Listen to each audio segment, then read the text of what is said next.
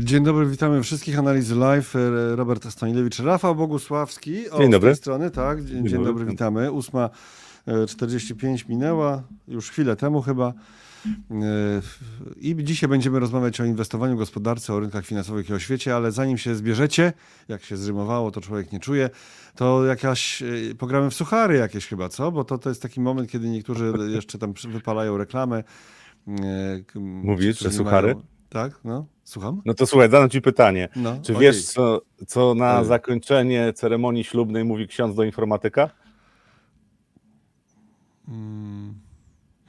Czekaj, czekaj, reset? No to nie. Pobieranie Zostaw? zakończone. ha, ha, ha, Dobrze, no to ja... suchar. A czy wiesz... Dobrze, a, a, czy wiecie, drodzy, wie, czy wiecie, to, jakiej broni używa ekonomista w bójce ulicznej? To będzie dowcip dla nerdów. Czy wiecie, piszcie, jakiej broni używa ekonomista? O właśnie, to będzie nasze pytanie. E, od razu powiem, że tak, to nie jest mój pomysł, zaczerpnięty skądś, powiem skąd za chwilę. Jakiej broni ekon używa ekonomista e, w czasie bójki ulicznej?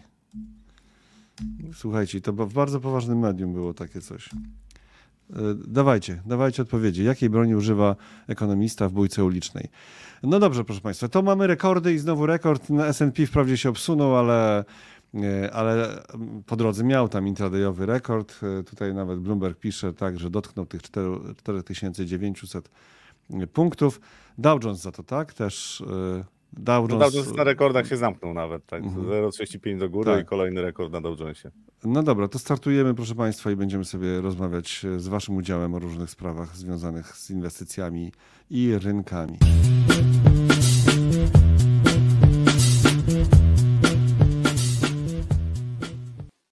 Hello, hello. Jakiej broni używa ekonomista w bójce ulicznej? To jest moje pytanie. Y, nasze pytanie do Was teraz. Y, piszcie, odpowiadajcie. Także czekamy na pytania, nie tylko na Wasze podgrupy, bo tu się regularnie podgrupy tworzą. Na przykład, nie wiem, o pompach ciepła, fotowoltaice, zupełnie różnych rzeczach, tak? Y, słupki? A, słupki. Nie, nie, nie, nie, że to odpowiedź. Słupki, tak. No, no nie, nie słupki nie słupki. O nie, słupki. Suchar zona to jest to. Ale czekamy na Waszą odpowiedź, jakiej broni używa ekonomista w walce ulicznej, w bójce ulicznej. A teraz e, to, jak indeksy biją się z kolejnymi poziomami, czyli e, znowu rekord. E, mogło być w liczbie mnogiej. Patrząc na to, co się tam wydarzyło w Stanach, bo S&P 500 wprawdzie się lekko obsunął, ale na intradayu coś tam dotknął. Rafale? Tak, no. Znaczy to SP500 przedwczoraj rekordy wszechczasów na zamknięciu. Na zamknięciu. Wczoraj minimalny spadek, tam 9 setnych w, na, na, na zamknięciu, na 6 setnych, tak. Ja miałem inne notowania. Minimalny spadek na zamknięciu, ale generalnie już był rekord 4931 e, i jesteśmy w takich obszarach, gdzie no tutaj jakaś przynajmniej chwilowa zmiana tendencji może nastąpić. Zwracam uwagę na Nasdaqa, który spadał wczoraj 0,7%, 0,86% i jeszcze zanim pojawiły się wyniki, bo po sesji pojawiły się wyniki e, Microsoftu i Alphabetu. I Microsoft w zasadzie zgodnie z oczekiwaniami tam się nic nie wydarzyło niepokojącego, natomiast Alphabet e, e, troszkę miał słabsze dochody z reklam, no i to spowodowało, że w handlu elektronicznym, bo te dane były, wyniki były po sesji, w handlu elektronicznym E, Nasdaq e, zanurkował, e, bo zanurkował alfabet i to zanurkował ponad 5%, więc to pokazuje, jak bardzo są mm, inwestorzy w tej chwili nastawieni na gwałtowne reakcje w momencie, kiedy cokolwiek jest negatywnego, jeżeli mówimy o wynikach spółek. Wcześniej mieliśmy takie, takie zachowanie Intela, który ostrzegał o E, słabszej koniunkturze, w mniejszych przychodach, tak w, w, w tym sezonie wyników, to, to, tak Intel, e, kilka, kilka informacji, które się pojawiało, tak ze spółek, które miały, miały właśnie wyniki nieco słabsze od oczekiwań, albo prognozy nieco słabsze, były gwałtowne reakcje. I wczoraj e, po zamknięciu rynku na alfabecie bardzo silna reakcja, tutaj obawy, tak jak w artykule jest napisane, że mm, są obawy o to, czy E, sztuczna inteligencja, czy ten, ten boom związany z sztuczną inteligencją, czy aby na pewno e, spółki dowiozą te wyniki, czy nie będzie, czy nie będzie problemów, czy nie, nie jest to trochę na wyrost. W ogóle sytuacja jest taka, że e, te oczekiwania, zwłaszcza dla spółek technologicznych, są na bardzo wysokim poziomie, nie tylko na ten kwartał ostatni, co był, ale na, na ten rok są na wysokim poziomie.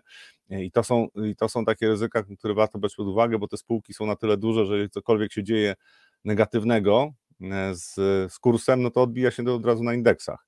W czwartek mamy metę, znaczy wyniki mety, Amazona i Ostatnia z tych największych. Meta, Amazon. Amazon no, oj, dziury w głowie, tak, synchroniczna dziura w głowie. Meta, no Amazon, jedno. podpowiadajcie, podpowiadajcie. Meta, Amazon i co? Dobra, i coś, i coś dużego. I coś dużego. I jeszcze jedna z tych największych mhm. siedmiu, mm. poza Nvidia, bo Nvidia dopiero w lutym, pod koniec lutego będzie publikował wyniki.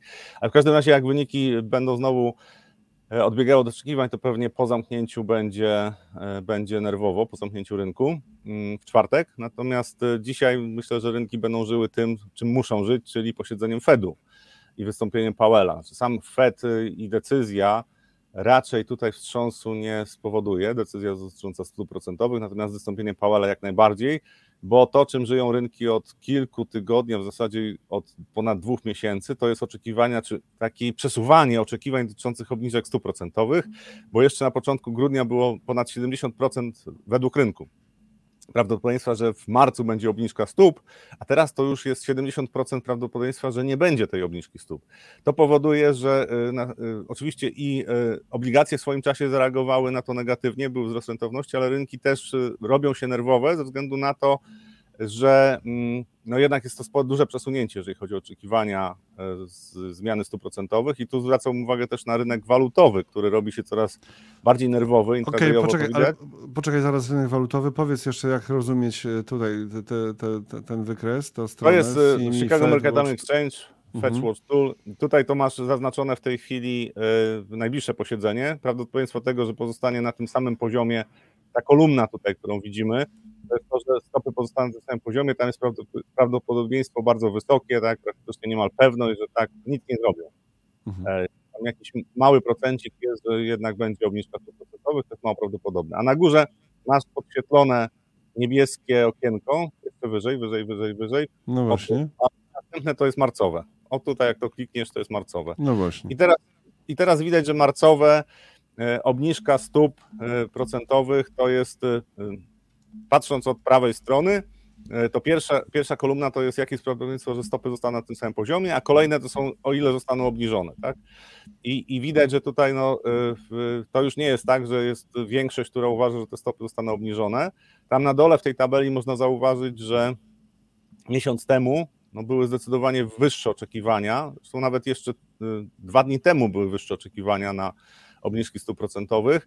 Wczoraj e, oczekiwania e, obniżki stóp procentowej marcowej popsuły trochę dane o wakatach w gospodarce amerykańskiej. Tam było ponad 9 milionów e, wakatów. Wzrost z, być 8,75, jest ponad 9 milionów. No i no, gospodarka silna, tworzone miejsca pracy nie, nie ma pracowników, no to jak, jak Fed ma obniżać 100%? No gospodarka jest za silna, więc po wczorajszych danych jeszcze było właśnie zmiana, jeszcze się obniżyły te oczekiwania na obniżkę 100% marcową.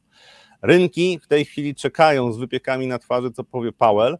Nie sądzę, żeby po tych danych, które pojawiały się w najbliższym, w, na, w ostatnim czasie e, z gospodarki, żeby Powell był jakoś bardzo gołębi. A historia pokazuje, że po tych posiedzeniach Fedu albo trochę wcześniej, albo później, bardzo często przy tak istotnych posiedzeniach, jak, jakim jest to posiedzenie, rynek wykonywał przynajmniej zwrot przynajmniej na kilka tygodni, znaczy na, przynajmniej na kilka dni, ale częściej na kilka tygodni. I warto o tym pamiętać, że e, no, dzisiaj może się naprawdę sporo rzeczy wydarzyć. O, Robert tutaj przeszedł już przez wszystkie do końca roku, jakie są prawdopodobieństwa obniżki stóp procentowych. Zapraszam na tą stronę, to Chicago American, no, Mercantile Exchange. Tak. I można sobie poobserwować też historycznie, jak to się zmieniało. No i co to znaczy? Mamy 18 grudnia 2024 już tutaj te oczekiwania. I co to znaczy? No i tutaj masz e, e, tak, e, prawdopodobieństwo, że pozostaną, to pierwsza ta kolumna z prawej strony, prawdopodobieństwo, że pozostaną na tym samym poziomie jest praktycznie Ale z prawej, zero. tak? Ale z prawej czy... Z prawej. Aha, z prawej. Znaczy no jak dobra. patrzysz, to z prawej strony, tak? Mhm. O, idziemy od prawej strony. To jest, I tam na dole jest, pod tymi kolumnami jest poziom 100%. Tam jest pierwsze, to jest 5,25, 5,50, czyli obecny poziom. Czyli prawdopodobieństwo tego, że pozostanie na tym samym poziomie, pozostaną stopy procentowe, no wynosi tam jakiś yy, yy, 0, co, nie widzę dokładnie, ale bardzo niedużo. Tak? 0,3. Następne, następne to jest, że będą na poziomie o 25 punktów bazowych niższe. To też nie jest zbyt dużo, duże prawdopodobieństwo, bo jak przejdziemy do tych e, trzech obniżek albo czterech obniżek, no to tutaj albo trzy, albo cztery obniżki, to rynek obstawia, że to jest najbardziej prawdopodobny scenariusz. Znaczy, większość uważa, że co najmniej trzy obniżki e, stóp procentowych się pojawią, prawdopodobnie będą cztery. E, I to w ten sposób się czyta. Można sobie po, poszukać też zmian historycznych, można zobaczyć, jak to się kształtowało w odniesieniu do mm, wcześniejszych e, oczekiwań, jak to się zmienia e, z e, tygodnia na tydzień albo z miesiąca na miesiąc, to też wszystko można sobie poobserwować, ale dlaczego to ma tak duże znaczenie? Bo z kolei jak popatrzymy na Europejski Bank Centralny i na oczekiwania wobec Europejskiego Banku Centralnego, to tam sytuacja jest odwrotna. Czy tutaj e, odsuwany w czasie są obniżki stóp procentowych, czyli e, coraz bardziej inwestorzy wątpią, że w marcu będzie obniżka stóp procentowych, znaczy jeszcze wierzą w to, że e, 40%, tak, 30 parę procent wierzy w to, że, że ta obniżka nastąpi. Natomiast w porównaniu z tym, co było miesiąc temu, to jest zdecydowana zmiana. A w przypadku Europejskiego Banku Centralnego, tam są przesunięcia w drugą stronę. To znaczy, y, y, jeszcze niedawno in- inwestorzy byli bardziej przekonani, że te obniżki stóp procentowych w strefie euro będą bardziej odległe w czasie. E, Natomiast teraz wygląda na to, że być może będą w tym samym czasie, co zrobi Fed, a być może nawet wcześniej. Jeżeli Fed wytrzyma e, marcowe posiedzenie bez obniżki stóp procentowych, to może być tak, że Europejski Bank Centralny obniży stopy wcześniej. Dlaczego? Bo w Europie koniunktura jest nie najlepsza gospodarcza, więc Europejski Bank Centralny może, może się skusić na obniżki stóp procentowych trochę wcześniej. To ma bardzo duży wpływ e, na rynek walutowy. E, Nie jest tak oczywiście, że tylko jeden element e, decyduje o tym, co się dzieje na rynku walutowym, natomiast akurat w, tym układzie, w którym w tej chwili jesteśmy, to te, te zmiany oczekiwań dotyczące stóp procentowych pomiędzy strefą euro i, i Stanami e, już w tej chwili w, moim, w mojej ocenie oddziaływuje na te główne pary walutowe, czyli przede wszystkim euro-dolar. Euro-dolar ostatnie 2-3 dni intradayowo, bo tam jeszcze bardzo dużych zmian na, e, na tej parze walutowej, takich na zamknięciu nie, dnia nie, nie, nie widać, natomiast intradayowo ta zmienność no, już jest duża i to są ruchy w górę, w dół, w górę, w dół. Ja zakładam, że tutaj bardzo gołębi Fed, czyli Powell bardzo gołębi mógłby osłabić dolara, jeżeli, jeżeli nie będzie bardzo gołębi, to dolar wybije się w dół, w tej chwili jest na poziomie trochę 1, powyżej 1,08 euro-dolar, więc euro-dolar pójdzie w dół, dolar się umocni. Jeżeli Powell będzie chociaż odrobinę bardziej jastrzębi niż w tej chwili rynek y, y, tego oczekuje. I to są, to są rzeczy, na które warto zwracać uwagę, to też wpływa na rynek obligacji. Y, Gospodarka amerykańska zaskakuje siłą i y, to zmienia według mnie oczekiwania e, nie tylko jeżeli chodzi o ścieżkę zmiany stóp procentowych w Stanach Zjednoczonych, ale też o poziom rentowności obligacji i też jeżeli patrzymy na e, strefę euro, to tutaj e, Europa będzie, strefa euro będzie pod dużą presją. Tak? Przy silnej gospodarce amerykańskiej, obniżaniu stóp procentowych przez Fed, to mm, euro może zacząć się osłabiać, a gospodarka europejska y, może potrzebować dodatkowej stymulacji fiskalnej, gdzie na razie nie widać specjalnie, jak rządy miałyby to przeprowadzić. Ale wróć, trzymajmy się jeszcze Stanów przez chwilę, oczywiście, tak, zanim przejdziemy do innych tematów e, i tych rekordów. Tutaj e, pamiętamy, że S&P 500 e, na sesji wczoraj spadło 0,06%, ale po drodze dot- dotknął rekordu. Tu jest trochę dłuższy wykres S&P 500, czyli za 10 lat, no trochę dłuższy, tak? Ktoś pisał, że inwestorzy chyba, chyba chcą mm, korekty, Inwestorzy chcą już pewnie jakiejś korekty, tylko czekają na bodziec. Damlab pisał. Co sądzisz o takim podejściu? No tak wygląda. Znaczy, patrząc Tak? na, na tą zmienność, jak y, y, też patrzyłem ostatnie dwa, trzy, dwie, trzy, może nawet y, trochę więcej sesji na, e, na Nasdaqu przede wszystkim, bo SP500 to no, trochę, mm, trochę za, bardziej zafałszowany obraz. Tak? Ja, ja patrzę na Nasdaqa w tej chwili przede wszystkim przez pryzmat właśnie tych największych spółek, 100 czy e, tego, co się może wydarzyć. E, One się podobnie zachowują, tutaj dużych różnic nie ma, natomiast, e, natomiast zachowują bardziej zmiennie niż SP500 i, i według mnie właśnie jak patrzę na Nasdaqa, czy setkę, czy, czy kompozytowy, e, to to, co się dzieje w ostatnich dniach pokazuje, no, że tam e, w związku z tym, że cały czas siłą napędową wzrostu na giełdzie amerykańskiej są te duże spółki, e, to teraz chęć do zrealizowania zysków jest dość duża, poziom optymizmu jest dość duży. Liczba zakładów, czyli jakby zaangażowanie w te największe spółki technologiczne jest też bardzo wysokie, więc to są takie warunki, przy których korekta może być szybka i dość gwałtowna. E, tylko też e, podkreślam, bo oczywiście tu są komentarze dotyczące tego, e, często się pojawiają komentarze, że ten, spółki duże są przewartościowane, że taka koncentracja rynku jest niezdrowa i że podobnie było pod koniec lat 90. i to się skończyło mm, wielką bessą na spółkach technologicznych, tylko że ja bym zwrócił uwagę, że najczęściej takie trendy trwają dużo dłużej niż w większości się wydaje to możliwe, więc na razie tak, rynki wygląda na to, że zaczynają być bardziej nerwowe, co, co może znamionować na się korekty, natomiast zmiana trendu na tych największych spółkach, to według mnie to jeszcze takiego długoterminowego trendu to jeszcze nie teraz, to jeszcze, trochę, jeszcze trochę. Mnie trochę męczy porównywanie do bańki dotkomowej, bo przecież wtedy większość spółek, że w ogóle spółki internetowe nie zarabiały pieniędzy, tam nie było pieniędzy, a wyceny były jakieś kosmiczne zupełnie. Przecież ten internet to raczkował dopiero. E, łączenie po modemie, tak, e, I, i biznes jakiś internetowy. Tutaj jest inaczej jednak, bo ta technologia zarabia pieniądze. I to oj, oj, zarabia... To przeszkadza, oj, że tam coś nie zarabia. No. Teraz lepiej, no, lepiej, że zarabiają. To no, prawda. No właśnie, no właśnie. No w czasach, kiedy jednak stopy procentowe nie są zerowe, to chyba jednak e, to chyba jednak e, no, lepiej, żeby zarabiało. A, a propos tej, tej, tej spółki, która która nam wyleciała z głowy jakoś haniebnie zupełnie. Apple. A to nie Apple? Apple? Apple. No. A to dlatego wyleciała, bo już nie jest największą spółką na świecie. To, to, to, mamy argument, mamy na swoją obronę, tak. Widzę tutaj kolejne wpisy y, osób, które starają się mm, odgadnąć cze... inaczej. Nie czego, to jest ważne, nie czego, tylko jakiej broni używa ekonomista w bójce ulicznej. Jakiej broni używa ekonomista w bójce ulicznej, czyli jaki... Bardzo mi się podoba Paweł K., który twierdzi, że y, y, procentami walczy. ale, ale to jest, wiesz, ono ale określa nie, nie, czym, wiem. Tak. a pytanie nie jest tak. czym, jakiej broni? jakiej broni używa ekonomista. Y, ekonomista zazwyczaj walczy tytułem naukowym, nazwiskiem, podręcznikiem, sławą i na końcu stopą, laską i wstydem. Ojeju. Zachary pojechał, tak. Dziękujemy bardzo. E, nie, Apple to taka mała spółeczka właśnie, Paweł dodaje. No dobrze, tutaj w tle Nasdaq za 3 lata e, powiesiłem na chwilę, wtedy, gdy mówiłeś. No Nasdaq, e, bo ten setka to już jest tam mhm. wyżej, ale tutaj to, to, to, znaczy widać też jaka jest koncentracja, jeżeli chodzi o zyski z, z inwestycji w spółki amerykańskie, że te największe, te siedem największych spółek, no to robi różnicę. Znaczy tam ta koncentracja jest bardzo duża i cały czas się nasila. I też y, y, tutaj zwróćmy uwagę na to, tam są czynniki fundamentalne za tym stoją, to znaczy te duże spółki, one faktycznie poprawiają wyniki. Jeżeli chodzi o ostatni kwartał, to oczekiwania były takie, że te siedem spółek największych poprawi wyniki, a te 493 już nie poprawi wyników.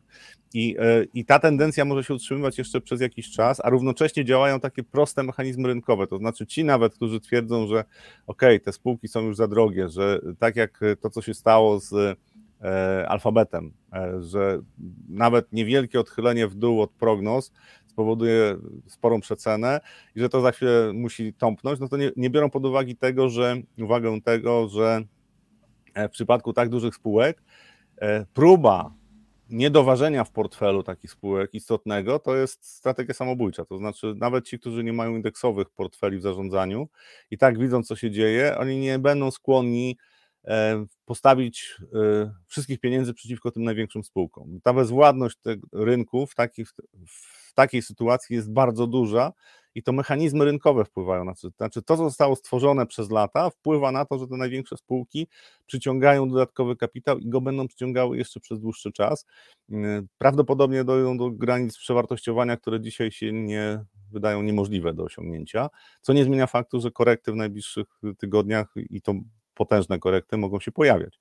Ale dlaczego, dlaczego ten napływ kapitału będzie? Po prostu duże spółki, które mocno wpływają na indeks, muszą być w portfelach, nawet jeżeli ktoś nie wierzy w taką spółkę, to i tak ma e, powiedzmy nie 8% e, jakiejś spółki, ale ma 5% tej spółki. Dlaczego? No bo jeżeli nie będzie jej miał, a okaże się, że tak jak w ubiegłym roku i tak jak teraz początek roku, te największe spółki rosną szybciej, no to przegrywa z rynkiem, no może stracić pracę, no więc lepiej inwestować w takie spółki.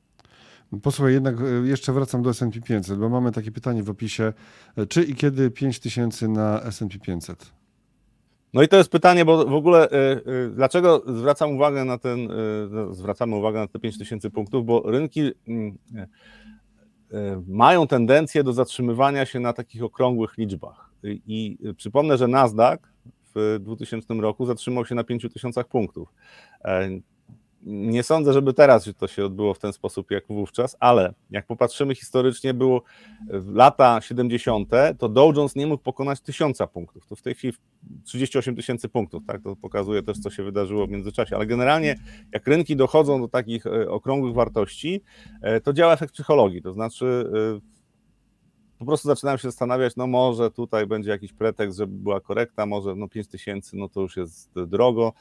Zmienia się trochę optyka. I teraz pytanie, czy rynek w ten sposób zareaguje? Notabene e, pomiędzy 4900 a 5100 to ja w zeszłym roku chyba o tym mówiłem, że to są takie poziomy zakresu ruchu, który rynek może osiągnąć i tutaj powinna się jakaś realizacja zysków e, pojawić, czyli pobije SP500 pobije ten szczyt, który w, w 2000 na przełomie 2021-2022 osiągną, pobije i później pojawią się jakieś kłopoty. I te kłopoty mogą się w tej chwili pojawić też właśnie z tego, z tego względu, że jest te 5000 punktów. Czy ten poziom zostanie pokonany? Mm, nie wiem. Dzisiaj może być szansa. Jakby okazało się, że e, Powell jest gołębi, to, to, to pewnie e, no tam brakuje ilu? 70, 80 punktów, tak?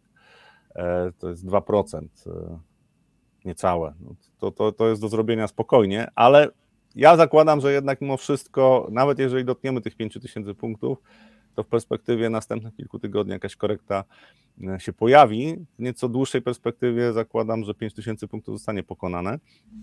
To jeszcze nie koniec hossy, natomiast tutaj zwróciłbym uwagę właśnie na te aspekty psychologiczne.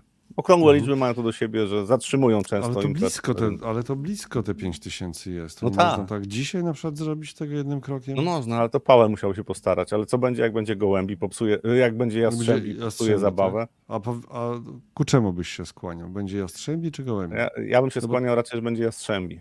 Znaczy, mm. patrząc na to, co jemu w tej chwili mało zależy na tym, żeby y, rynki akcji jeszcze dokładały ten dodatkowy wealth effect e, i bardziej myślę, że chcieliby przekonać y, inwestorów, że walczą z inflacją naprawdę.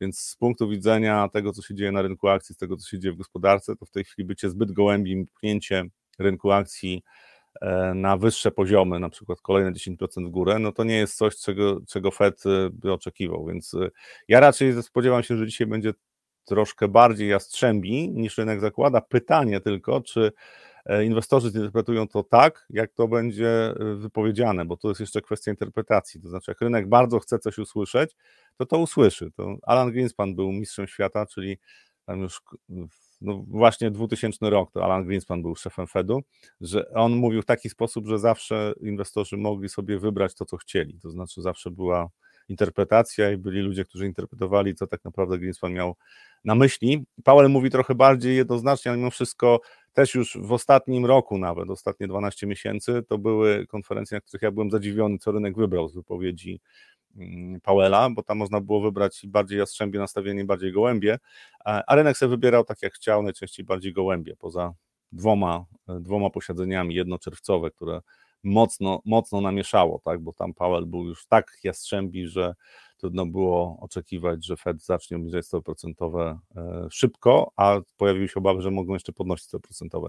Więc dzisiaj ja obstawiam, że Powell jastrzębi, pretekst do korekty na rynkach akcyjnych i 5000 mm, na SP500 do osiągnięcia no, trochę odłożone w czasie, natomiast warto pamiętać, że to jest e, silna hossa w tej chwili. E, te duże spółki pokazują dobre wyniki. E, może tam oczywiście, jeżeli mówimy o Tesli, to mm, obawy o to, że ta sprzedaż nie, nie rośnie wystarczająco szybko, jeżeli mówimy o samochodach, no to jest jedna spółka. Jak popatrzymy na Microsoft, to nie jest źle. To znaczy te dane, które się pojawiły, były dobre. Jak patrzymy na Alphabet, to poza dochodami z reklam też nie wygląda to źle. E, pytanie oczywiście, co, co pokaże Apple, Amazon. E, natomiast, natomiast patrząc na to, jak wygląda gospodarka amerykańska, jak wyglądają wyniki spółek, no to zakładam, że tutaj jeszcze jest trochę za wcześnie, żeby mówić, że za chwilę będzie bez. I pojawia się WIG20 teraz, żebyśmy poświęcili mu chwileczkę chociażby. Tutaj jest wykres za jeden rok. E, wczoraj sesja dla WIG-u, e, nie, dzisiaj, dzisiaj sesja dla WIG-u to jest, no teraz już jest spadek, leciutki 800 na minusie, było troszeczkę na plusie, więc po takich, takim jakby przerwaniu tamtej korekty, no właśnie, co to teraz jest? Czy owa korekta, którą widzieliśmy w styczniu, czy ona się nam też w styczniu już zakończyła? Według mnie nie. Znaczy, patrząc, znaczy jeżeli, jeżeli ja mam rację i te perspektywy dla rynku amerykańskiego, które przedstawiam, tam korekta jednak się pojawi, to polski rynek y, wszedł w korektę, no w zasadzie wtedy co amerykański, tylko że my się nie podnieśliśmy, tak jak amerykański, bo w Stanach Zjednoczonych tam było pierwsze pięć dni spadkowych na rynku akcji, e, pierwsze pięć sesji, potem konsolidacja, znaczy próby podniesienia rynku, konsolidacja do połowy e, do połowy stycznia i kolejna fala wzrostowa. I dzięki temu tam SP500 ma kolejne szczyty, natomiast WIG20 wszedł w korektę, no i ta korekta była znacznie głębsza.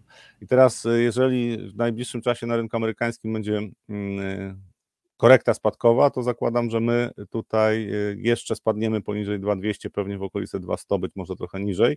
I później bym obserwował y, polski rynek, to znaczy WIG20 bo on ma tendencję do wyprzedzania tego, co się dzieje na przykład na e, rynkach europejskich i amerykańskich. Nie wynika z tego, że Amerykanie patrzą na to, co się wydarzyło na polskim rynku, tylko wynika z tego, że inwestorzy zagraniczni, którzy wchodzą na polski rynek, muszą wyprzedzać trochę e, to, co się dzieje na świecie, bo jakby chcieli zacząć sprzedawać portfele akcji w momencie, kiedy już są spadki takie silniejsze na na rynkach akcji w Stanach i, i, i, w Europie, to po prostu nie będą w stanie tego zrobić. Nasz rynek ma za małą płynność.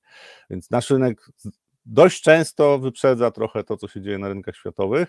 I dlatego moje oczekiwania są takie, że tutaj po jeszcze tam jakimś czasie podnoszenia tych, tych y, notowań, y, co pewien czas jakaś, jakiś sektor się y, wzmacnia. Wczoraj, wczoraj były to banki e, i po, po okresie takiego wzmocnienia później jeszcze przyjdzie jedna fala spadkowa, ale też nie sądzę, żeby mm, to była wielka bessa, znaczy to jest początek wielkiej bessy. Znaczy polski rynek jak e, odchoruje to, że w, od października ubiegłego roku e, bardzo szybko mieliśmy wzrosty, a konto tego, że wygra ówczesna opozycja, tak, czyli obecna koalicja rządząca. E, no i teraz się okazało, że są tam pewne problemy, e, które wiadomo, że było, że się pojawią, no to, to jest trochę, musi polski rynek to odchorować, natomiast nie sądzę, żeby tutaj było wielkie załamanie, jeżeli chodzi o rynek akcji, bo mm, gospodarka będzie całkiem nieźle się miała w porównaniu na przykład z innymi gospodarkami europejskimi, więc patrząc na DAX-a, który rośnie pomimo tego, że niemiecka gospodarka jest w stagnacji, e, no to polski rynek też może spokojnie rosnąć, zwłaszcza, że polska gospodarka będzie rosła.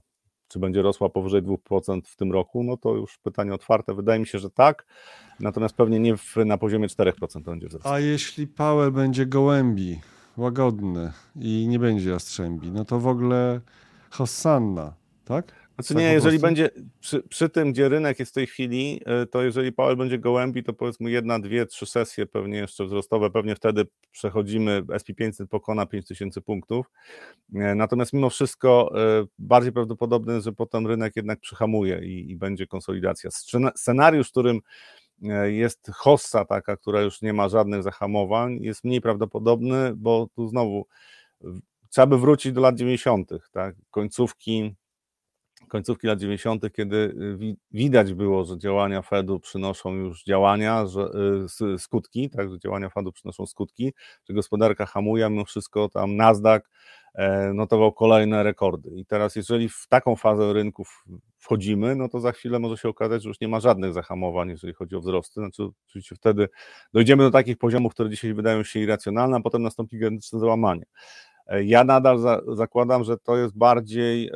Yy, że rynek w ogóle w Stanach Zjednoczonych zachowuje się racjonalnie, to znaczy to, co się dzieje tam od, e, e, od wielu lat, to jest dość racjonalne zachowanie, poza powiedzmy 2021 roku, kiedy tam zostało trochę sztucznie rozpędzone dzięki te, temu, że e, ludzie dostali pieniądze za nic i nie mieli co robić, więc zaczęli inwestować. To, taka, taka pułapka inwestycyjna się zrobiła. Natomiast jeżeli popatrzymy na ostatnie 10 lat, to rynek amerykański zachowuje się całkiem racjonalnie, jeżeli patrzymy na zachowanie e, notowań w stosunku do tego, co się dzieje w gospodarce, jakie są stopy procentowe, co robi Fed i nadal zakładam, że tak będzie. To znaczy w tej chwili po prostu jest e, po tych wzrostach, które mieliśmy od początku ubiegłego roku, to trochę jest nerwowo i trochę za wysoko w stosunku do tego, co gospodarka i spółki mogą dostarczyć w najbliższym czasie, więc bardziej bym się spodziewał tego, że jednak rynek dalej będzie w miarę racjonalny i bez względu na to, co zrobi Fed, czy będzie gołębi, czy jastrzębia, to przede wszystkim chodzi o zmiany stóp procentowych, które ostatnio nie mają aż takiego znaczenia. To jest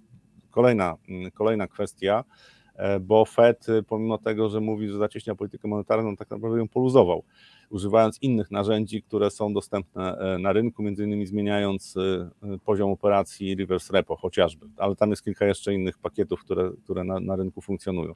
Więc e, jesteśmy według mnie w takim otoczeniu, że nawet gołębi Fed nie jest w stanie, znaczy musiał być bardzo gołębi, nie jest mhm. w stanie zapewnić rynkowi takiego wzrostu bez korekt, E, według mnie korekta to jest znacznie lepszy scenariusz niż to, że rynek w tej chwili zaczyna rosnąć po prostu bez e, przystanków i robimy następne 20% w ciągu dwóch miesięcy, bo wtedy to naprawdę wtedy zaczynam się bać. Znaczy to, to uważam, że to będzie koniec e, hossy na, na wiele lat.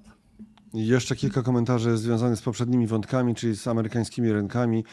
Timber opisał, generalnie Nasdaq jest już niebezpiecznie blisko górnej granicy wieloletniego kanału trendu wzrostowego. To historycznie dość niewygodne miejsce.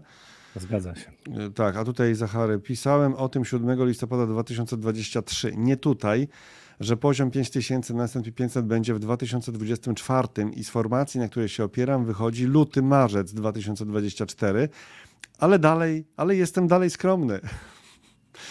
Podziwiamy, podziwiamy. Przy Rozumiem, że ten luty, marzec to szczyt, tak? E, nie, no, że 5 tysięcy będzie na czy szczyt, to, mm, to, nie, to, tutaj chyba z tej akurat wypowiedzi konkretnie, to nie, nie musi mhm. wynikać. Mhm. No mo.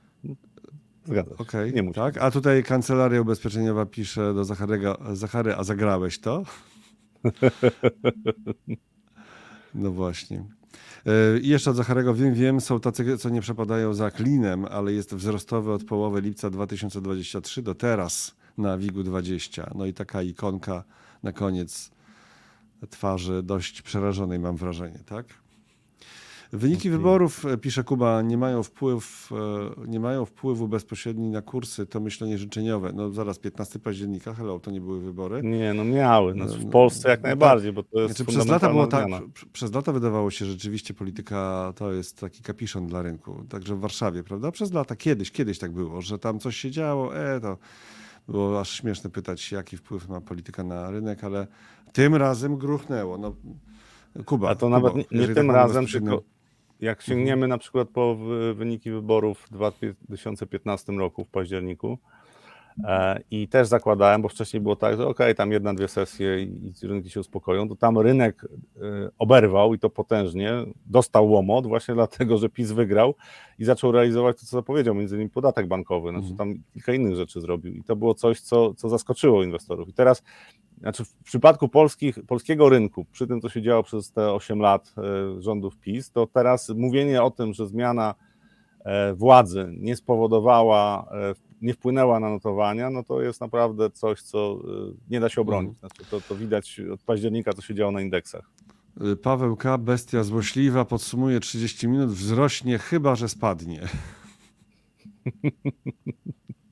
Ale to zawsze tak jest. Znaczy, to jest tak, że zawsze można rozważyć różne scenariusze, natomiast ja zakładam, że jednak rynek ma jeszcze trochę przestrzeni y, do, do podążania w górę, ale bez takiej silniejszej korekty to ciężko mu będzie utrzymać te wzrosty, bo, bo rynek się przegrzeje, znaczy wcześniej czy później po prostu będą spadki i będą brutalne. No. Jeżeli tak chcemy, żebyś się realizował. Zrobiła nam się faza Q&A i dobrze, jeszcze ciągnijmy chwileczkę. Kuba pisze pytanie, bilans Fed, quality tapering się zatrzymał w styczniu. Prośba o komentarz. Znaczy, y, w ogóle ten Fed, jeżeli popatrzymy na jego działania, to te y, wyprzedawanie portfela obligacji, to ono tam stopniowo sobie stopniowo realizują tą strategię, natomiast oni równocześnie bardzo dbają o to, żeby nie zabrakło pieniędzy w systemie bankowym, więc jak popatrzymy na to, co robił Fed wcześniej, chociażby od listopada, e, to zmniejszanie bardzo szybko, e, oczywiście to jest też kwestia tego, co robią banki komercyjne. Tak, banki komercyjne przestały deponować pieniądze albo deponują znacznie mniej niż deponowało na rachunkach Fedu, czyli operacji reverse repo Fedu są y, jedna trzecia tego, co jedna czwarta tego to co było y, rok temu czy półtora roku temu. I to, I to też zwiększa ilość pieniądza w systemie bankowym. Po drugie są jest ten fundusz, który wspiera banki regionalne, tam już 160 miliardów w tym funduszu jest. Są te fundusze, które zostały uruchomione w czasie COVID-u, które nie zostały wygaszone. I teraz jak popatrzymy na te wszystkie elementy całej układanki, to w zasadzie e, zacieśnienie polityki monetarnej przez Fed nie następuje. I to jest jedna z rzeczy, na którą warto zwrócić uwagę, a równocześnie w związku z tym, że rosną spready, e, maleją spready na obligacjach E, korporacyjnych, to w ogóle jeżeli chodzi o sytuację, czy zacieśnienie polityki monetarnej, czy w ogóle sytuację, jeżeli mówimy o sytuacji finansowej, tak, przez pryzmat właśnie tego, co się dzieje na, na rynkach, to, to w Stanach Zjednoczonych nie nastąpiło. I to są, to są rzeczy, na które warto zwrócić uwagę, że samo wyprzedawanie z portfela obligacji w dodatku wygląda na to, że w styczniu zostało ograniczone to wyprzedawanie. E, ja jeszcze nie sprawdzałem dokładnie, w jaki sposób oni e, zahamowali ten proces wyprzedaży, natomiast to nie jest, to, że Fed wyprzedaje z portfela obligacje, to nie jest jednoznaczne, że zmniejsza się ilość pieniądza na rynku międzybankowym w Stanach Zjednoczonych. To jest jedna, jedna z rzeczy, która uzasadnia też e, ostatnie wzrosty na, na giełdach. Po prostu płynność w sektorze finansowym w Stanach Zjednoczonych wzrosła w ostatnich miesiącach. E, wracamy do Stanów po tym, jak dotknęliśmy WIG-u 20, generalnie warszawskiej giełdy. Poprzez ten WIG 20 teraz e, e, już się pozieleniło na WIG-u 20, 30% na plusie, ale to my takich krótkoterminowych rzeczy tylko tak podajemy, nie żeby się do tego jakoś przywiązywać. Patrzę jeszcze na... Aha, Marta. Fundusz akcji polskich czy amerykańskich? Które bezpieczniejsze, a które dadzą więcej zarobić? Ho, ho, ho. A fundusz akcji amerykańskich zahedżowany czy nie zahedżowany? Walutowo jeszcze można być. A ETF na indeksy amerykańskie czy fundusz? No jak fundusz to rozumiem fundusz, czy fundusz indeksowy. Ale rozumiem, że fundusz akcji polskich czy amerykańskich to bardziej chodzi o fundusze zarządzane aktywnie. No Jesteś to, coś... Znaczy to oczywiście pytanie, jaki, jaki horyzont e, bierzemy pod uwagę i, i też czy bierzemy pod uwagę, że może coś się wydarzyć w geopolityce co spowoduje, że na przykład polski rynek, czy w ogóle rynki wschodzące przestaną być atrakcyjne dla inwestorów, bo jeżeli e, sytuacja będzie napięta na, na polityce globalnej, a e, ale nic nie, nie, nie, nie, nie wydarzy się na przykład między Chinami i Stanami, co by, co by wstrząsnęło rynkami, e, to ja bym stawiał na polski rynek. To znaczy tutaj po pierwsze te E, część dużych spółek jest dobrze wyceniona, czy atrakcyjnie Czyli wyceniona. Nisko, atrakcyjnie niska, wyceniona. Mhm. Atrakcyjnie wyceniona, a w dodatku są spółki z Envigu, SWIG-u, które, y, które y, potrafią robić biznes. To znaczy to już widać, że to są spółki dobrze zarządzane i tych spółek jest kilkadziesiąt. Więc jest e, szansa na to, że też inwestując w fundusze, że po prostu będziemy e, w perspektywie tych następnych dwóch, trzech, czterech, pięciu lat zarabiali E, sensowne stopy zwrotu. Natomiast ze Stanami Zjednoczonymi jest taki problem, że w pewnym momencie te największe spółki jednak osiągną taki poziom wzrostu, przy którym dalej i wycen, przy którym dalej będzie trudno utrzymać taki poziom wzrostu. No dobrze, to... ale cała reszta się budzi powoli jakoś tam, nie? Tak, no ale to pytanie, w co inwestujemy? Spółek. Bo jeżeli inwestujemy w indeksy, tak, czyli ETF-a na indeksy, to jeżeli nie będzie rosło tych siedem największych spółek amerykańskich, E, to reszta spółek może sobie rosnąć, ale indeksy nie urosną. Tak? Zresztą to jest mało mhm. prawdopodobny scenariusz, że przy korekcie na dużych spółkach inne spółki będą rosły. No, dlaczego? Bo zacznie ubywać pieniądza.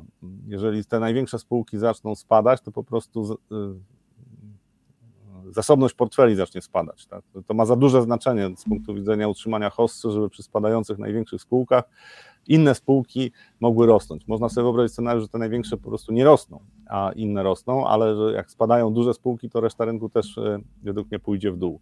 E, I, I to jest coś, co jak patrzę na rynek amerykański, to trzeba brać pod uwagę, że ok, to może jeszcze potrwać dwa lata, takie wzrosty tych największych spółek, ale jeżeli taka tendencja będzie się utrzymywała, jaka jest to w ostatnich e, latach, to wcześniej czy później będzie punkt przegięcia. To znaczy historia pokazuje, że te największe spółki nie są największe w nieskończoność, to znaczy są limity wzrostu z różnych powodów, e, się pojawiają. Wystarczy popatrzeć na to, jak wyglądało naj, największych siedem spółek w 2000 roku, jakie to były spółki i jakie są teraz. Chyba tylko Microsoft został z tych największych spółek. E, I, I, na pewno jest coś, czego nie widzimy, jeżeli chodzi o te największe spółki, jakich zagrożeń, to się zmaterializuje pewnie w dystansie 10 lat. Natomiast jakbym zainwestował na polskim rynku, e, to wyceny tych spółek są na tyle atrakcyjne, czy nawet dużych spółek są na tyle atrakcyjne, że tutaj są znacznie większe możliwości utrzymania takiej tendencji wzrostowej, nawet pomimo tego, że będą jakieś korekty, które chociażby wywoła rynek amerykański. Znaczy ja wierzę w polską gospodarkę e, i, i przede wszystkim spółki e, mhm. polskie i zakładam, że hossa na, na rynku polskim będzie się utrzymywała też przez kilka lat, więc Trochę okay. Polski, trochę Stanów, jeżeli tak. Okej, okay. no to, to najprościej tak powiedzieć, jasne, tyle to ja potrafię. Ale słuchaj, ale jeden aspekt, tutaj spróbuję cię jakoś challenge'ować za sprawą e, użyję tweeta, żeby nie było tak, że tak sięgam po coś nie pokazując autora. Akurat e, Piotr Cymcyk e, takiego tweeta zamieścił ostatnio, między innymi takiego, e, że 8,8 biliona, czyli prawie 9 bilionów dolarów jest zachomikowane w funduszach pieniężnych, tych amerykańskich prawdziwych pieniężnych, czyli to jest cash, mhm. które przestaną mieć sens, jak tylko Fed zacznie obniżać stopy procentowe. No i jest taka, co może napędzać dalszą hossę. Także przestaną mieć sens, więc te pieniądze, jak rozumiem jakąś tutaj sugestię albo takie podejrzenie, albo może, no właśnie nie wiem na ile to jest y, mocne, także z tych 9 prawie bilionów dolarów zachomikowanych w gotówce de facto, no bo te fundusze pieniężne są ekwiwalentem gotówki, to po prostu jakby te stopy zaczną już spadać, to nie będzie większego sensu, żeby utrzymywać w tym miejscu, tak? To z jednej strony. Z drugiej strony pamiętam, że głównie, najczęściej jak Fed obniżał stopy, to, było, to była już recesja właściwie, tak? I indeksy, indeks, Fed obniżał stopy z powodu recesji. E, zwykle nie w 100%, ale wtedy indeksy szły do dołu, a nie do góry. No i znacznie częściej spadały niż rosły. Ale teraz... były wyjątki, ale były wyjątki od tego.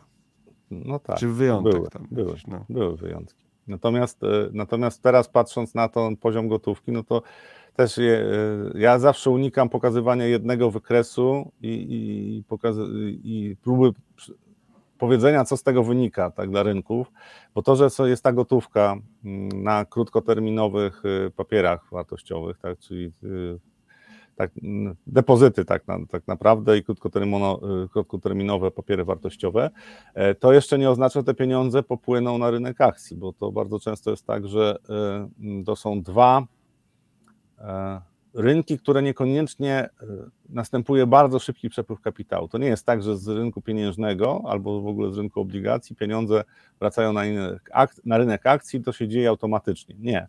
To są dwa rynki, które mają inny profil ryzyka i y, inaczej, inne, inne czynniki wpływają na to. To znaczy to, że jest dużo gotówki, to wcale nie oznacza, że w tej chwili inwestorzy się y, boją rynków akcyjnych, bo patrząc na to, co się dzieje z zaangażowaniem na rynkach akcyjnych, to wcale nie jest tak źle e, wśród inwestorów. Natomiast dlaczego mają te papiery? Bo się boją długoterminowych obligacji.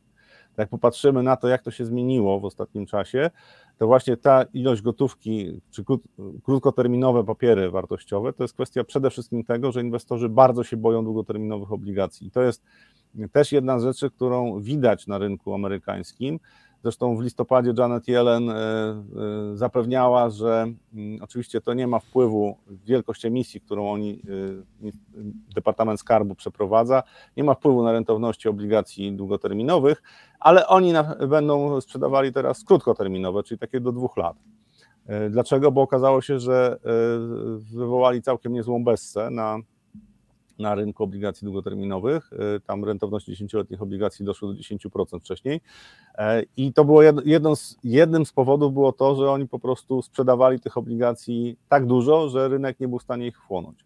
I inwestorzy, widząc, co się dzieje na całym rynku obligacji, stwierdzili, że znacznie mniejsze ryzyko jest y, związane z tym, że y, po prostu sobie zainwestują w te krótkoterminowe papiery. Jak stopy procentowe zaczną spadać, to oni wtedy się zastanowią, co dalej bo sytuacja, w której e, okaże się, że stopy procentowe spadły na przykład do poziomu 3%, ale rentowności obligacji dziesięcioletnich nie spadły poniżej 4%, to jest zupełnie inna sytuacja dla inwestora niż obecnie. To znaczy obecnie utrzymanie e, papierów, które mają rentowność powyżej 5%, mm, albo kupowanie dziesięcioletnich papierów, które mają około 4%, to nie ma specjalnie sensu. Znaczy, chyba, że zakładam, że będzie szybki spadek stóp procentowych i inflacji, zatem no to dziesięcioletnie obligacje pospadają. Więc ja bym patrzył przez pryzmat tego, co się dzieje na rynku długu, a nie przez pryzmat tego, że te pieniądze popłyną w pewnym momencie na rynek akcji. Mhm. Historia pokazuje, że one niekoniecznie płyną na rynek akcji. E, tutaj Timbercrow pisze, no to z pieniężnych popłyną do, do obligacji stałokuponowych. To jest prawdopodobne pytanie tylko, jak, du jak dużo Departament Skarbu będzie emitował tych obligacji, e, bo w, przedwczoraj była, przedwczoraj była informacja, e, rynek się bardzo ucieszył, bo była informacja, że w tym pierwszym kwartale Departament Skarbu mm, o 55 miliardów dolarów mniej emisji długu zrobi. Tak? I, I rynki się ucieszyły, tam spadły rentowności obligacji. Tylko jak popatrzymy, y, jaka jest skala y, emisji za ostatnie kwartały, y, to w zasadzie, jeżeli chodzi o te handlowane obligacje, czyli te, które są na, na rynku, nie fundusze emerytalne, część obligacji kupują fundusze emerytalne, tak, ale te, które, te, które, te, które kupuje, kupuje rynek, to zbliżamy się zbliżymy się za chwilę do 3 y, bilionów dolarów emisji w ciągu roku, w ciągu czterech kwartałów. I to jest coś, co warto brać pod uwagę. To jest artykuł Wolf Richter, tak, bardzo ciekawe artykuły, bardzo ciekawe komentarze. On właśnie zwraca uwagę na to, że, e, że to, co w tej chwili się dzieje na rynku obligacji y, długoterminowych, to jest pochodna właśnie tego, jak duże potrzeby pożyczkowe ma mm, mm, Departament Skarbu e, i że na razie to się niespecjalnie zmieni. I, i to, że, że teraz w stosunku do wcześniejszych zapowiedzi, te, te zapotrzebowanie na finansowanie długu w pierwszym kwartale będzie niższe, będzie 760 miliardów, tak? Pierwszy, pierwsza prognoza była, że będzie ponad 800 miliardów, 50 miliardów, 55 miliardów mniej. Rynki się ucieszyły, natomiast Wolf pokazuje, że e, no ok, natomiast jeżeli popatrzymy na skalę emisji w ostatnich kwartałach, no to my jesteśmy w okolicach 3 bilionów, licząc tak, co się wydarzy jeszcze w tym kwartale. I to, to, są, to są gigantyczne pieniądze. Znaczy, warto pamiętać o tym, że gospodarka amerykańska jest w dobrej sytuacji, to znaczy wzrost trwa, to nie jest tak, że mamy recesję i dlatego rząd ma bardzo duże wydatki. No, deficyt budżetowy jest pochodną tego, że y, politycy amerykańscy w ogóle y, chyba uznali, że nie ma żadnego problemu z zadłużaniem się w nieskończonym w takim tempie e, i e, nadal zamierzają to robić. Znaczy te, te tarcia z demokraci republikanie na temat e, pomocy dla Ukrainy to jest pochodna nie tego, nie tylko tego, że republikanie są mniej skłonni, żeby wspierać Ukrainę, ale również w ogóle deficytu, całego deficytu fiskalnego. Jeżeli 1,6 biliona w tym roku podatkowym ma być deficytu, to to jest coś niewyobrażalnego. Znaczy, z punktu widzenia e, stabilności gospodarki, stabilności finansów publicznych, to jest coś niewyobrażalnego. To jest zresztą jeden z powodów, dla których gospodarka amerykańska cały czas e, jest rozpędzona. Bez tej stymulacji fiskalnej, gdyby oni zrównoważyli budżet, to tam była recesja w ciągu dwóch kwartałów. Ale pompują te pieniądze i będą pompowali dalej. Pytanie, co będzie, co będzie się działo w kolejnych e, miesiącach, z rentownościami obligacji, to są dwa elementy. Po pierwsze, y, inflacja, działania Fedu, pochodna inflacji. Tak? Jeżeli spadnie inflacja dalej, Fed będzie mógł obniżać stopy procentowe, to pewnie te rentowności obligacji e, dziesięcioletnich też będą spadały. Natomiast jeżeli okaże się, że inflacja nie spada, Fed nie obniża stóp procentowych albo obniża je, ale inflacja nie spada, bo Fed się podda i stwierdzi, że ok, ważniejsza jest dobra koniunktura na rynku pracy niż spadek inflacji, to rentowności dziesięcioletnich obligacji nie spadną perspektywie dwóch, trzech lat przy y, nawet ograniczeniu y, polityki fiskalnej, ekspansji fiskalnej w Stanach Zjednoczonych, ja zakładam, że inflacja tam wróci y, i rentowności tych dziesięcioletnich obligacji pójdą w górę. Nie, pewnie nie w najbliższych miesiącach, ale, e, ale w perspektywie dwóch, trzech lat te rentowności pójdą w górę.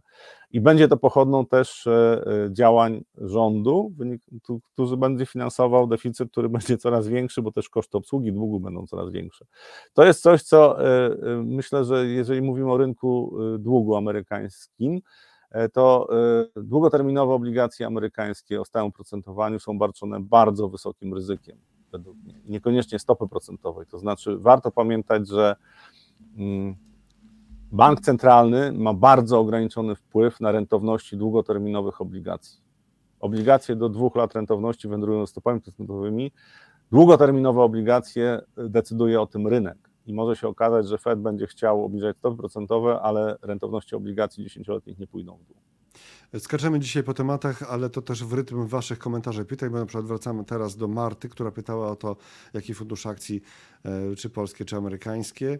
E, I to dodała tutaj zarządzane, czyli nie ETF-y, dwa lata. No to jak dwa lata to jest już e, spekuła wręcz, tak? Oczywiście Znaczy ja bym powiedział, że w obu przypadkach albo y, y, i polskie mogą być i polskie, amerykańskie, tylko że mm, y, krótkoterminowe papiery. Ale ja mówię teraz o akcyjnych. Nie, nie, akcyjnych teraz, bo A, Marta pytała o fundusze akcyjne. E, Dwa lata zwykle, no wszędzie w funduszach akcyjnych jest napisane minim, minimalny horyzont inwestycyjny 5 lat, tak? Minimalny. E, Dobra, jak bo- skrócimy do półtora roku, to amerykańskie. proszę, proszę, brawurowo, dobrze. Ale tu, no tak, jak ja mam teraz powiedzieć, że tu nie ma rekomendacji? No nie ma. E, Nie ma, Szanowna nie ma. pani to, to Marto, opinia. To jest opinia, więc pani może mieć zupełnie inną. Pamiętajcie, to są, tutaj też są wasze opinie i pytania też e, tych, którzy na przykład są na jakimś początku drogi swojej inwestycyjnej, więc proszę tego nie traktować tak, jako wskazanie takie wprost, że jak ktoś e, coś zrobi, to potem będzie miał e, jakieś roszczenia czy, czy żale. Nie, nie, to, to, to, to tak nie jest. No, za chwilę może ktoś tu napisze, że Paweł napisze, o właśnie, Pawełka napisze, bierz ACWI, obstawisz wszystko i wszędzie, czyli taki ETF, który jest na cały świat. E, No właśnie. A tutaj osoba prywatna pytała, co to jest, kom- kompozy- co to jest kompozytowy? No i Paweł już odpi- odpisywał. e, Nasdaq Composite, indeks giełdowy, w skład którego wchodzi większość spółek notowanych na amerykańskiej giełdzie Nasdaq. Z indeksu wyłączone są akcje spółek równolegle notowanych na innych giełdach. E, Na przykład, tak. e, Czy jeszcze jakieś pytania co do kompozytowych? Czy chcesz coś powiedzieć o tych kompozytowych? No nie, no to wyjaśnione. O Pallat ktoś pyta, ale to nie dzisiaj. Nie dzisiaj o takich rzeczach. Przepraszamy. No właśnie, co to jest indeks kompozytowy? Indeks. No to tam tutaj w odpowiedzi w komentarzu na YouTubie Paweł napisał ładnie. Mm, EDO od jutra znowu tańsze, czyli nasze obligacje, tak, w Polsce, takie detaliczne, skarbowe. Mhm. Powoli ulica ruszy po akcje. Tylko kilka obniżek jeszcze. No właśnie, no to się boję takich, takich genialnych pomysłów. Może ruszy, może nie ruszy. Jak stopy procentowe były bardzo nisko, to z lokat e, ludzie poszli i był dołek na pokowidowy, to z lokat pieniądze popłynęły gdzie? Do funduszy dłużnych. A potem był płacz i zgrzytanie zębów. No właśnie, takie proste, proste pomysły i proste y, założenia rzadko się sprawdzają. To, to nie jest. To tak nie działa, no, Mhm. niestety. Znowu o surowcach, e, tak, to y, no, palat, surowce przemysłowe to innym razem. Mm, Tutaj jeszcze widzę odpowiedzi na temat kompozytowości indeksów. Indeksem kompozytowym jest na przykład WIG. OK. Czyli nie ma e, definicji uniwersalnej. Dobrze, jedziemy dalej. Przypominam nasze pytanie dnia. E, Jakiej broni używa ekonomista w walce ulicznej, w bójce ulicznej? Jakiej? Nie czym walczy, tylko jakiej broni używa ekonomista To jest dopiero suchar. w walce ulicznej. Mm, Nie, potem powiem skąd jest to, bo teraz jak powiem, to wszyscy zaraz sobie znajdą. E, Okej, no dobrze, to y, mamy już sporo y, tematów za sobą, ale to oczywiście jeszcze absolutnie nie jest koniec. Mm, Ja tam wpisałem w opisie coś takiego, jakie znaczenie dla finansowej ludzkości ma to, że Departament Skarbu Stanów szuka sposobów na niższe oprocentowanie swoich obligacji długoterminowych. To mówiłeś o tym, tak, ale jakie znaczenie dla finansowej ludzkości? Jakie znaczenie ma to dla nas? Znaczy, że y, Departament Skarbu, tak? Potrzebuje? Ta, no, no, że tak, tak, no to, to o czym mówiłeś, że tutaj jest próba obniżania tych y, y, obligacji długoterminowych. To znaczy, bo jeżeli, jeżeli, jeżeli rentowności nie, nie uda im się utrzymać na niskim poziomie, to koszty obsługi długów będą rosły. To znaczy w tej chwili, e, w tej chwili już są, m, za chwilę będą na e, poziomach, powiedzmy, koszty obsługi długu będą na poziomie około 3% PKB za chwilę, tak? Za chwilę mogą być na poziomie 4% PKB. Jeżeli rentowności obligacji długoterminowych poszłyby w, e, istotnie w górę, to koszty obsługi długu, to się, to się robi samo napędzająca się maszyna do zwiększania zadłużenia państwa. To znaczy ustabilizowanie tego później jest bardzo trudne. Po prostu koszty obsługi długu są za duże procentowo do e, dochodów budżetu, tak żeby to utrzymać w niskim poziomie. I teraz dlaczego to ma dla nas znaczenie? Bo jeżeli by się okazało w pewnym momencie, że Fed, e, Departament Skarbu nie jest w stanie e, sfinansować potrzeb pożyczkowych, to oznacza, że gospodarka amerykańska ma problemy, to znaczy zaczyna hamować, no a gospodarka amerykańska zaczyna hamować, to hamuje cały świat. Znaczy to nie ma w ogóle na to, nie, tu w ogóle, w ogóle nie ma o czym dyskutować. Druga rzecz, że jeżeli rentowności obligacji długoterminowych amerykańskich pójdą w górę, to nie wierzę w to, żeby europejskie obligacje, w tym polskie, utrzymały rentowność na niskich poziomach. Znaczy będzie odwrót w ogóle od obligacji skarbowych, bo mimo wszystko obligacje amerykańskie są cały czas postrzegane jako, ze względu na potencjał tego kraju, potęgę tego kraju, jako papiery, które powinny być z wysokim poziomem bezpieczeństwa. Jeżeli tam są problemy, no to to nie oznacza, że inne kraje mają mieć takie same problemy, ale postrzeganie rynku długu będzie zupełnie inne, więc to ma bardzo duże znaczenie. No i te operacje, które robi Departament Skarbu, to jest przede wszystkim stworzenie wrażenia, że nie ma żadnego problemu e, z takim tempem zadłużania się, które w tej chwili rząd amerykański prowadzi. Według mnie jest, znaczy nie da się tego utrzymać e, zbyt długo. E, to tutaj, no, ja, Jack pisze do mnie, Robert, głosowałem wczoraj na ciebie w IC. Tak, jest taki konkurs, gdzie zostałem wystawiony bez mojej w ogóle wiedzy, o, jak konkursie dziennikarza ekonomicznego roku. Słuchajcie, nie wiem, dziwne emeryta wystawiać w takim konkursie. Tam jest paru innych też emerytów zresztą, tych, który, takich, których bardzo, bardzo szanuję, naprawdę, są tam fantastyczne osoby. Ale ja to się, to takie rzeczy zabijałem 20 lat temu. No ale dziękuję bardzo za głos, bardzo dziękuję, bardzo mnie rozbawiło to, e, ten konkurs. E, e, okej, okay, to teraz Europa, proszę Państwa. Europa, Europa i bardzo dziękuję za ten głos. Europa, gdzie się, dzieją się ciekawe rzeczy, nieustannie oczywiście dzieją się ciekawe rzeczy. Czyżby na przykład Hiszpania i Włochy były lepsze od Niemiec w pewnej kategorii? No tutaj, tutaj oczywiście była cała seria danych o PKB za czwarty kwartał ubiegłego roku i y, zwłaszcza Hiszpania zaskoczyła, bo tam miał być wzrost o 0,2%, było 0,6%, dzięki czemu, między innymi dzięki temu y, strefa euro uniknęła recesji, czyli tam nie ma wzrostu, jest zero. Tak? E, natomiast i Włochy, i Hiszpania zaskoczyły na plus, natomiast Niemcy potwierdziły, że mają spore problemy strukturalne i tu nie widać, żeby to specjalnie się zmieniło e, na, e, na plus. Natomiast paradoks polega w tej chwili na tym, że to, to, co e, jeszcze parę lat temu wydawało się pewnikiem, czyli że to południe Europy ma problemy, a Niemcy są tą siłą, która stabilizuje e, strefę euro, to w tej chwili zaczyna, przestaje być aktualne. To znaczy nie, nie, niemiecka gospodarka, ale też niemiecki rząd ma coraz większe problemy, a właśnie kraje południa Europy zaczynają zachowywać się zdecydowanie lepiej i gospodarczo, i też politycznie też to wygląda tak, że tam Oczywiście są protesty i też wygląda to dość e, nieciekawie, jeżeli chodzi o napięcia społeczne, natomiast w porównaniu z Niemcami to, to, to, to, te kraje są znacznie spokojniejsze, a przede wszystkim mają wyższy wzrost gospodarczy. Natomiast oczywiście siła Niemiec, e, czy znaczenie Niemiec dla strefy euro jest na tyle duże, że strefa euro bez Niemiec no raczej nie będzie tutaj święciła wielkich triumfów. Natomiast e, te dane, które pojawiły się wczoraj, to też był pretekst do tego, żeby przynajmniej chwilowo się euro umocniło.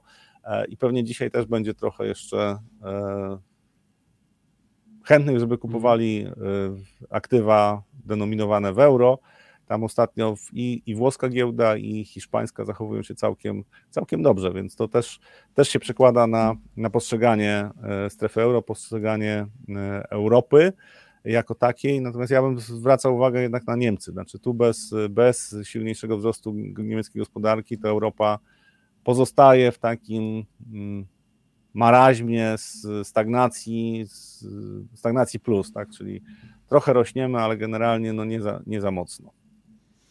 E, to teraz jeszcze tabelka z tego artykułu Bloomberga, czyli PKB, tak? Kwartał mhm. do kwartału. I co tutaj mamy? 2023, czwarty kwartał jest na żółto. No właśnie, czyli Niemcy minus 30, a za to z drugiej strony Francja 0,7 na plusie. Yy, nie, nie, na żółto, przepraszam, to nie było to. to Francja inny, na zero. tak, to drugi kwartał 2023, Francja na zero. Yy, Włochy 0,2, Włochy 0,2. Hiszpania aż 0,6, proszę, proszę. No Hiszpania w ogóle tutaj ten, ten poprzedni rok miała całkiem udany, znaczy porównując oczywiście do innych krajów e, strefy euro.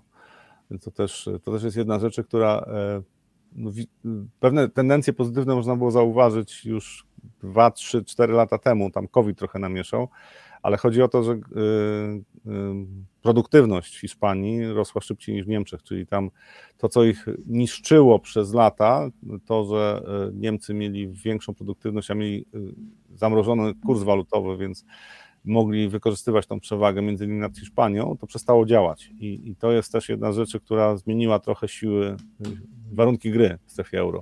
W tej chwili dla Niemiec strefa euro nie jest już aż takim bonusem, jak była 10 lat temu. Słuchajcie, Hiszpania jest jednym z tych krajów, co tak. wygląda, że właśnie ma się trochę lepiej. Za chwilę będę miał dla Was ważne pytanie. Tutaj jest ważna informacja o tym, że za tydzień o tej porze E, Kup Fundusz, Kup Fundusz Live i live o tym, jak wybierać, które fundusze obligacji wybierać w obecnym stanie świata. Zapraszamy.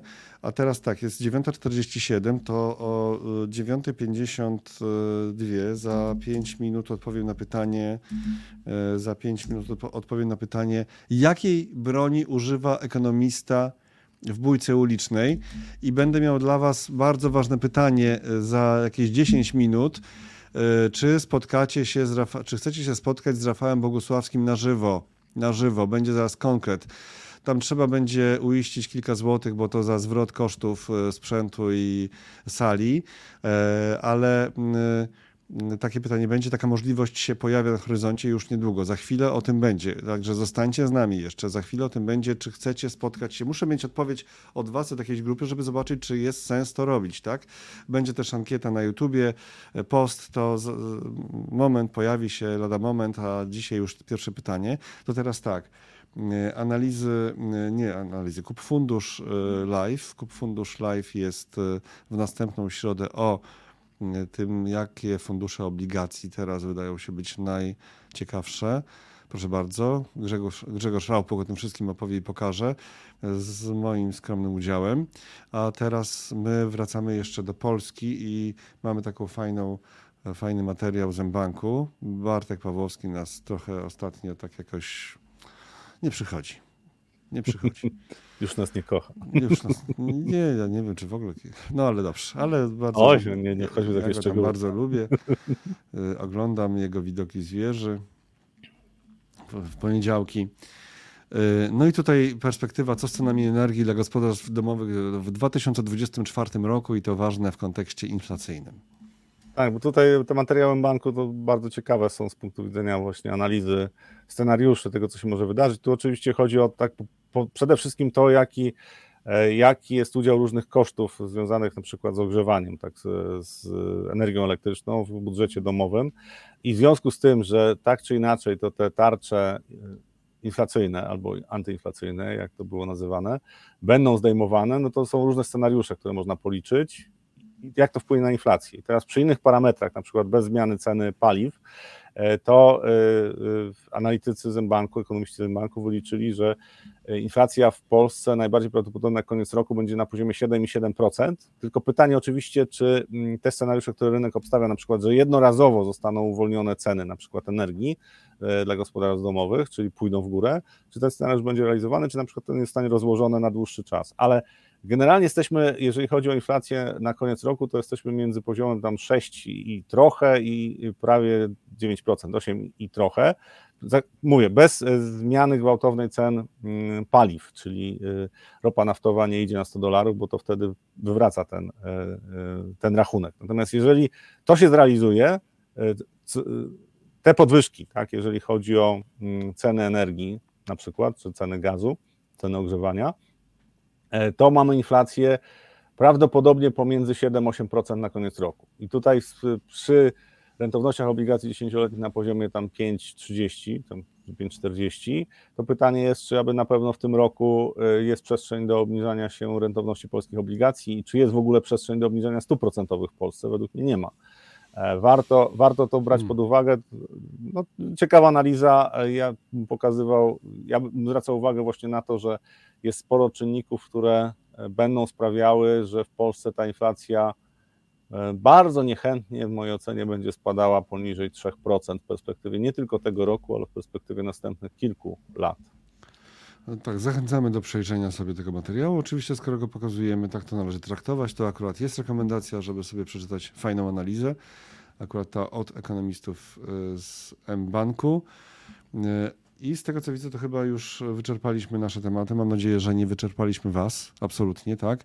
Już jest 9.52, a więc obiecałem, że w tym momencie to jeszcze teraz przejdziemy do tych odpowiedzi Waszych. Jakiej broni, tak, y, odpowiedzi Waszych i y, mojego tutaj, y, mojego pytania jeszcze sobie to wyświetla było, tak? Mm, jakiej broni używa ekonomista w bójce ulicznej? Teraz się już wyjaśni.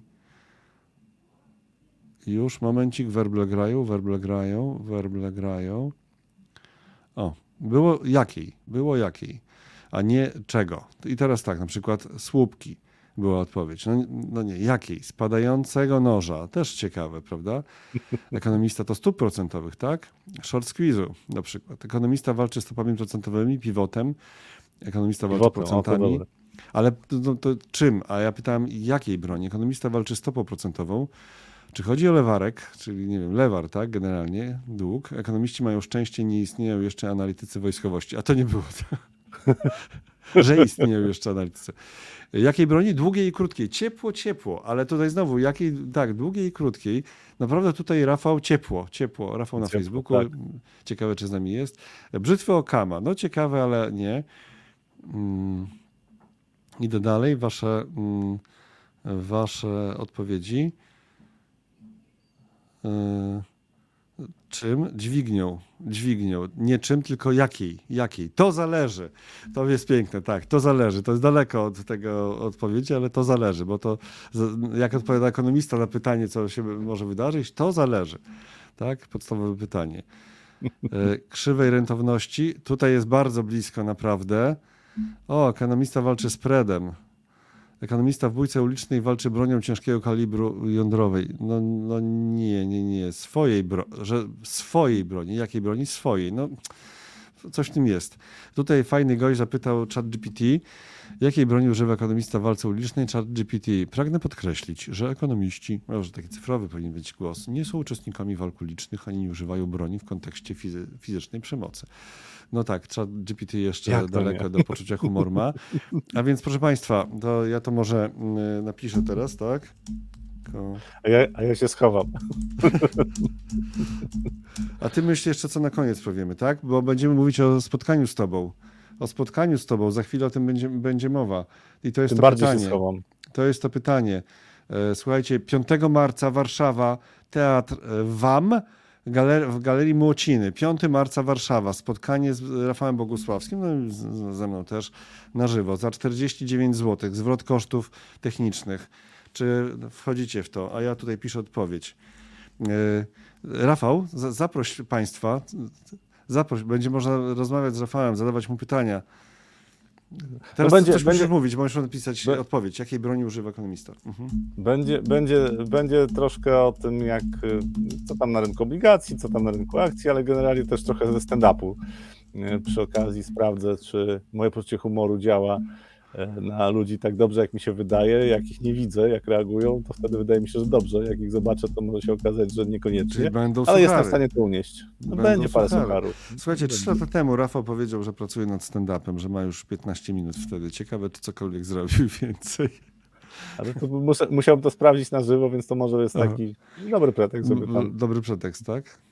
Dobrze, słuchajcie. odrobinę, odrobinę. Tak, słuchajcie, no to teraz już jest odpowiedź i od razu podam źródło. Źródło będzie po prostu dla was najbardziej szokujące, naprawdę. Jak zobaczycie, jakie jest źródło. Rafał. Filowicz, będzie ścianka z RB. Jeżeli będzie takie życzenie, jak najbardziej. Ale, o, nie, ale nie mamy takiej ścianki, słuchaj, nie mamy takiej ścianki. Ja coś przyniosę. No mamy taką... Coś przyniesiesz. Rolapę Dobrze. mamy. Dobra, słuchajcie, jest odpowiedź, jest, idzie odpowiedź. yy, e, No nie, Nie poszła. Nie poszła? poszło. I co, zniknęła? O, gdzie ona jest? A, tutaj Nie, no jest. jest. Jest, jest. A, bo ja miałem otwarty Źródło, Tak, Bloomberg. tak. Poszła. E, właśnie, proszę bardzo, tak. Jakiej broni używa ekonomista w walce ulicznej? Krzywej, oczywiście. Krzywej, oczywiście. E, to dowcip dla nerdów, tak. I to e, Matko, ale suche, tak. To był podtytuł na Bloombergu. Tak, Matko, dobrze. No dobrze. No ale dobrze. suche. No, przecież mówiliśmy, że to jest e, sucharowość. To teraz A nie- uprzedzałem, a uprzedzałem, tak? A uprzedzałem. A uprzedzałem. E, Ale przyznacie, że jak na podtytuł w medium wielkim, to naprawdę brawurowo, tak? E, To teraz jeszcze ciekawe, czy to, mi, czy to pytanie mi się zmieści. Może być poszarpane. Ciekawe, czy mi się zmieści. To pytanie. O. Czy w cenie 49 zł za bilet przyjdziesz na konferencję forum inwestycji osobistych z dodatkową specjalną prelekcją plus Q&A? Prawdopodobnie z zachowaniem funduszy dłużnych w ramach cyklu, e, cyklu koniunkturalnego. Rafała Bogusławskiego, tylko dla uczestników stacjonarnych. Data 5 marca Warszawa, Teatr Wam, Galeria Młociny. Słuchajcie, bo wtedy będzie Forum Inwestycji Osobistych, które będzie zdalną e, konferencją, zdalną, online'ową, ale będzie taka wersja e, stacjonarna dla tych, którzy po prostu będą mm, y, którzy będą chcieli się spotkać. I dlatego musimy mniej więcej zbadać rynek, czy zbadać rynek, czy jest popyt na takie wydarzenie, żeby te konferencje także wyposażyć w taki aspekt e, zdalny. Rozumiecie? Wicie, rozumiecie. Tak? I wrzucimy, wrzucimy ankietę na YouTube'a. Aha, Marek, jak zrobicie turnę po Polsce, to przyjadę do Warszawy za daleko. To gdzie musimy pojechać? Mhm. Ale to pewnie Rzeszowa. cały, dzień, pewnie cały dzień będę oglądać na ekranie, ale to spotkanie będzie tylko dla tych, którzy przyjadą do y, Galerii Młociny. Tam jest taki teatr, jest, a może inne miasta również. O, Trójmieście, no, byłoby fajnie. Ale na funduszach dłużnych proszę nie. No dobrze, no to zobaczymy, może o czymś innym będzie. Zobaczymy też e, wasze preferencje, bo może być w rozmowie o czymś innym, tak? E, Jest popyt, ale samolotu może nie być. No, Aha, tutaj Zachary, Zachary z pięknej słonecznej wyspy. E, Co? Po, po, poduszki będą serwowane? No paluszki będą, no paluszki i kawa będą. Słuchajcie, 5 marca, 5 marca, e, 5 marca Teatr Wam e, Młociny, spotkanie z Rafałem Bogusławskim na żywo, 49 zł koszty e, operacyjne. Czy wchodzicie w to? Czy wchodzicie? Sz- Szczegóły wkrótce, szczegóły e, wkrótce, tylko dajcie znać, czy wchodzicie. Tak, my już kończymy naszego live'a tymi jeszcze pytaniami. Szczegóły wkrótce. Proszę, postukałem trochę. E, No i mam nadzieję, że wypowiecie się, wypowiecie się mm, jak już się pojawi ten, e, ta ankieta na YouTubie. No co, na dzisiaj już to wszystko. Proszę, proszę Państwa, powiedzcie tym, których tutaj nie było, że jest taka możliwość e, spotkania z Rafałem Bogusławskim. I nie tylko, bo e, ktoś, kto przyjdzie, to będzie mógł przyjść na całą konferencję e, do sali, posłuchać na, bieżą- na miejscu ekspertów, który, którzy będą występować w trakcie Forum Inwestycji Osobistych, które odbędzie się 5 marca i to jest chyba w ogóle pierwsza zapowiedź. U Zacharego zróbmy. Aha, dobre. U Zacharego zróbmy, tak. Dziękujemy pięknie za dzisiaj. Wszystkiego dobrego. Kolejne spotkanie w piątek, proszę Państwa. W piątek, w piątek, w piąteczek spotykamy się. Rafał Bogusławski, ja i y, Wasze pytania, Wasza obecność. Zachęcamy też tych, którzy są dopiero początkującymi w świecie inwestycji, bo generalnie inwestowanie jest też dla osób, które nie zostaną rekinami, y, traderami. Nie o to chodzi. Nie o to chodzi. Jak tutaj pisze, y, jak tutaj pisze Paweł K. regularnie, 500 co miesiąc w, w instrument, który ogarnia cały świat, też tak można, jak najbardziej. Y, To czekamy na Was w piątek o 8.45. Dziękuję pięknie i do Do zobaczenia. zobaczenia.